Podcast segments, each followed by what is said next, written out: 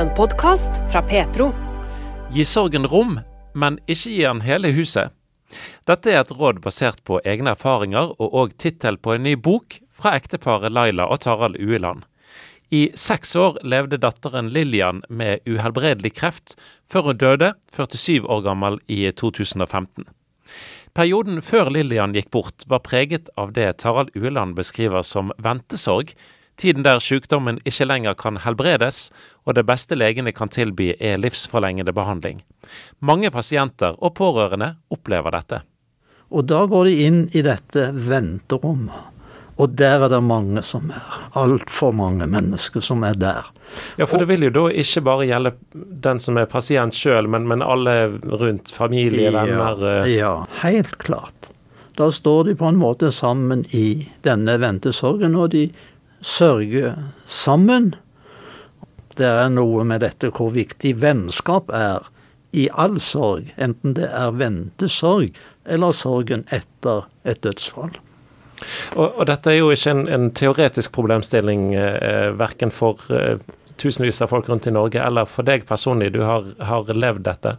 Ja, jeg eh, skriver på forsiden på boken at dette er en erfaringsbok. Jeg har ingen medisinsk utdannelse, helsemessig utdannelse, men det som Leila og meg, min kone og meg, har, det er erfaringen med å leve med ventesorgen gjennom en periode på seks år. Dere mista altså datteren deres eh, i kreft i, i 2015. Ja, det har gjort noe med oss. Vi nekter ikke for det.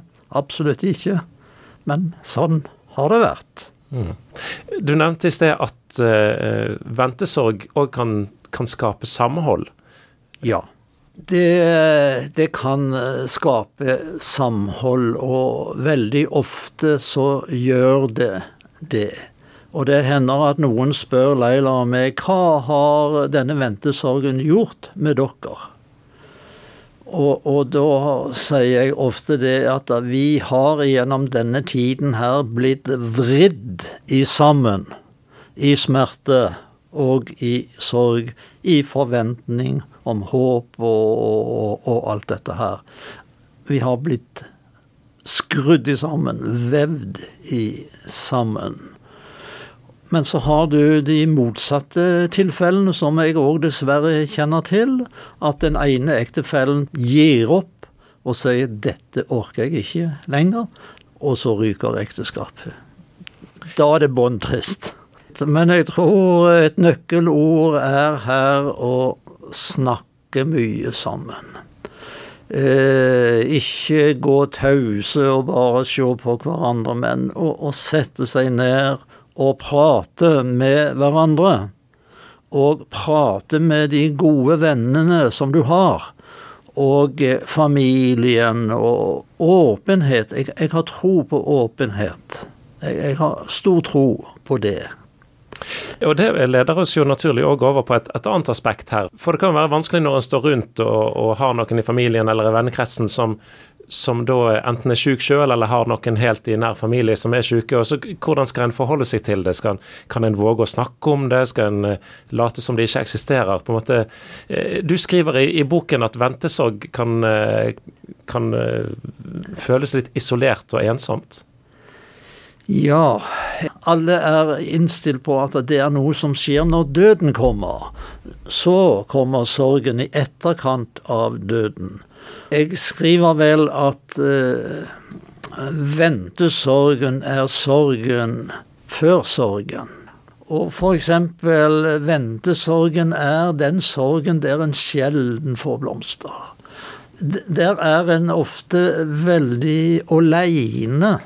Det er den ensomme sorgen, og du kan gjerne kalle det for den langsomme sorgen, som kan strekke seg over flere år, ja, mange år. Sant? Og da var det en som sa at jeg er så aleine. Jeg føler meg så ensom i denne sorgen. Og delt sorg er alltid lettere å bære. Altså Ofte så kommer vi i møte med folk i sorg litt uforberedt. Om du møter de på gata, eller du møter de i butikken, eller hvor det nå enn måtte være, så tenker du med en gang nå må jeg finne noen gode ord. En god setning. Sett de sammen noe som virkelig kan forløse noe. Men du finner ikke ordene. Og hva gjør du da? Altså, det verste en da kan gjøre, det er å ikke gjøre noe som helst. Det er det verste. Du kan godt snuble i ordene. Det er et tilgivelse for det. Det kan gjerne stokke seg litt, men gjør nå et forsøk, i hvert fall. Og finner du ikke ordene, så la ordene ligge. Det er ingen katastrofe om du ikke finner disse ordene. Du kan gjøre et veldig godt møte med en som er i sorg, uten ord. Du har jo to hender, legge rundt skulderen på den sørgende. Og du kan gi dem en klapp på skulderen. Og du kan gi dem et godt håndtrykk. Og så har du et smil. I møte med sorg som fungerer smilet utrolig bra. Og nå skal du få et veldig konkret eksempel på det. Min kone Leila jobbet mange år i bokhandelen her i Bergen. Og en dag så kommer det inn en dame, og hun visste at denne damen nylig har mistet datteren sin. Brutalt og vond død. Og hun tenker hva gjør jeg nå? Skal jeg gå og gjemme meg på et lager? Men hun gjorde heldigvis ikke det. Hun gikk imot henne. Så var hun ærlig, dønn ærlig. Og så sa hun det, jeg veit ikke hva jeg skal si til deg i dag. Holdt hun i hendene og sa, jeg veit ikke hva jeg skal si. Og da svarer denne fortvila moren, bare gi meg et smil. Det er så få som smiler til meg for tiden.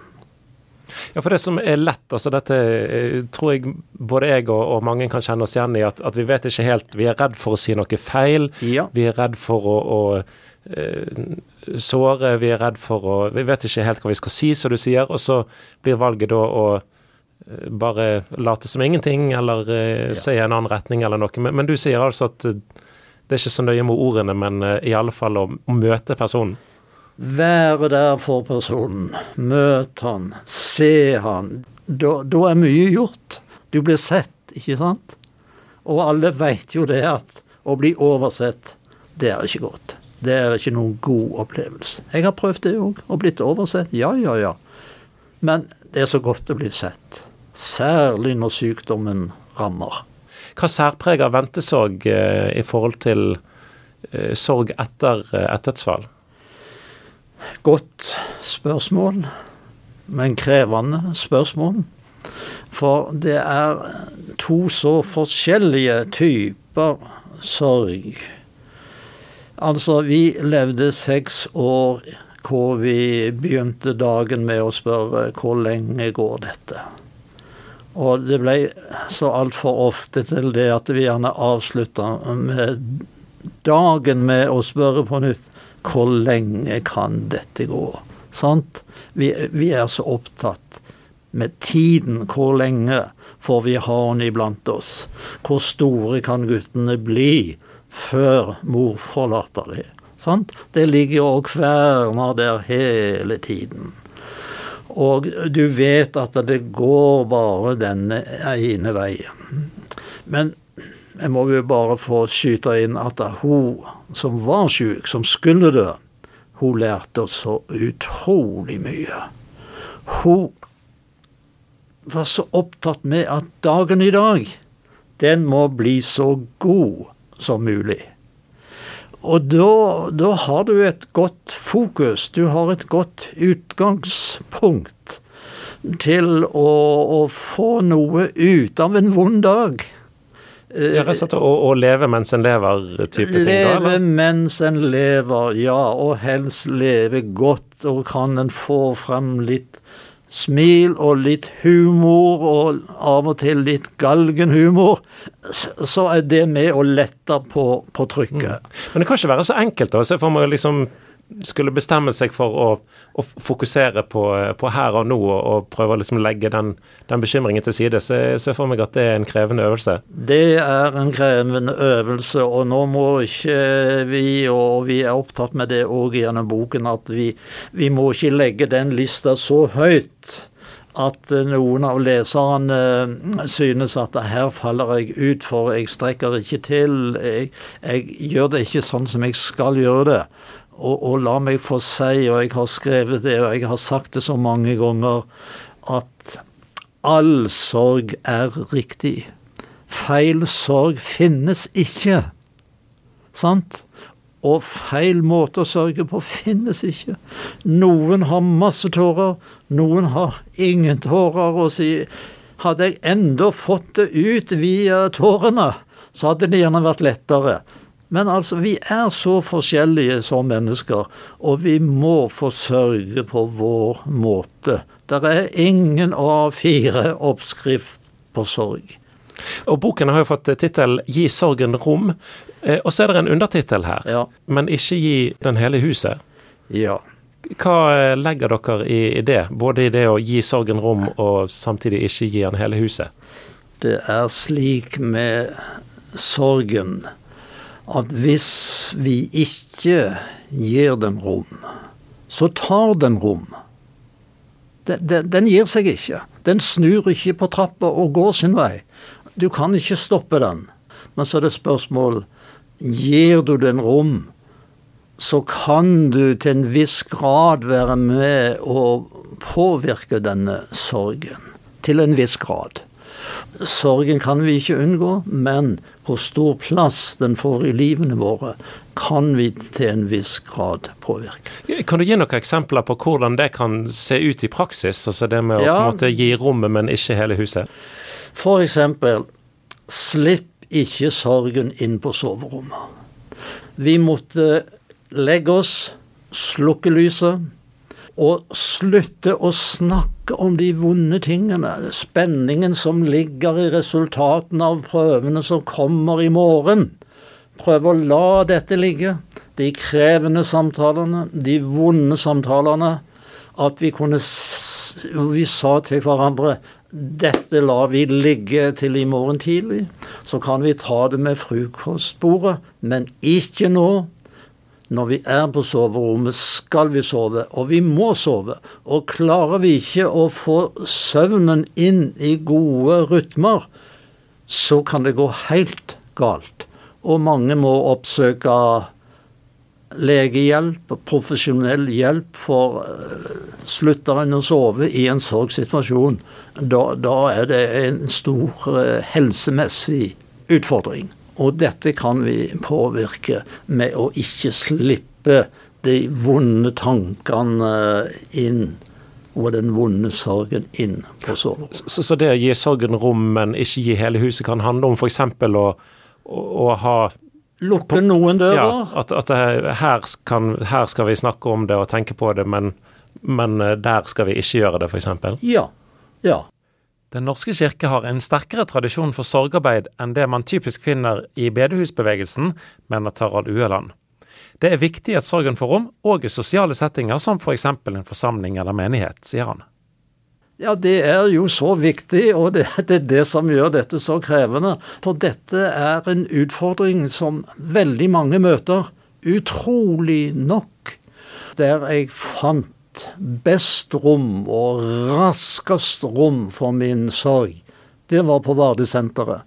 Ja, det var de med altså erfaringene. Kreft, kreftforeningen sitt arbeid, altså? Ja, det er ja. Kreftforeningen. Vardesenteret drives av Kreftforeningen i samarbeid med sykehuset. Der fant jeg mennesker med erfaring som uh, var til veldig stor hjelp som kom meg i møte, rakte ut hånden og ønskte meg velkommen, fant kaffe, sett oss med et bord, og jeg fikk anledning til å fortelle min vonde historie. Og han, han, han sa ikke så veldig mye, men han var så god til å lytte. Han var så interessert i å høre denne vonde historien min. Ja, det var godt. Det var en god opplevelse. Så kjenner vi jo til Den norske kirke, som er eh, flink med sorgarbeid etter dødsfall, etter de store katastrofene. Folk får komme inn i et rom hvor det er rom for sorgen, hvor de kan få tenne et lys, og hvor de kan slå armene rundt hverandre, og der de kan få bare være og være sammen. Hvor det ikke kreves noe spesielt, men å få lov å være der med sorgen sin. At de tar sorgen med seg inn i kirkerommet. Det er en god norsk tradisjon. Og der gjør menighetene og prestene en kjempegod jobb.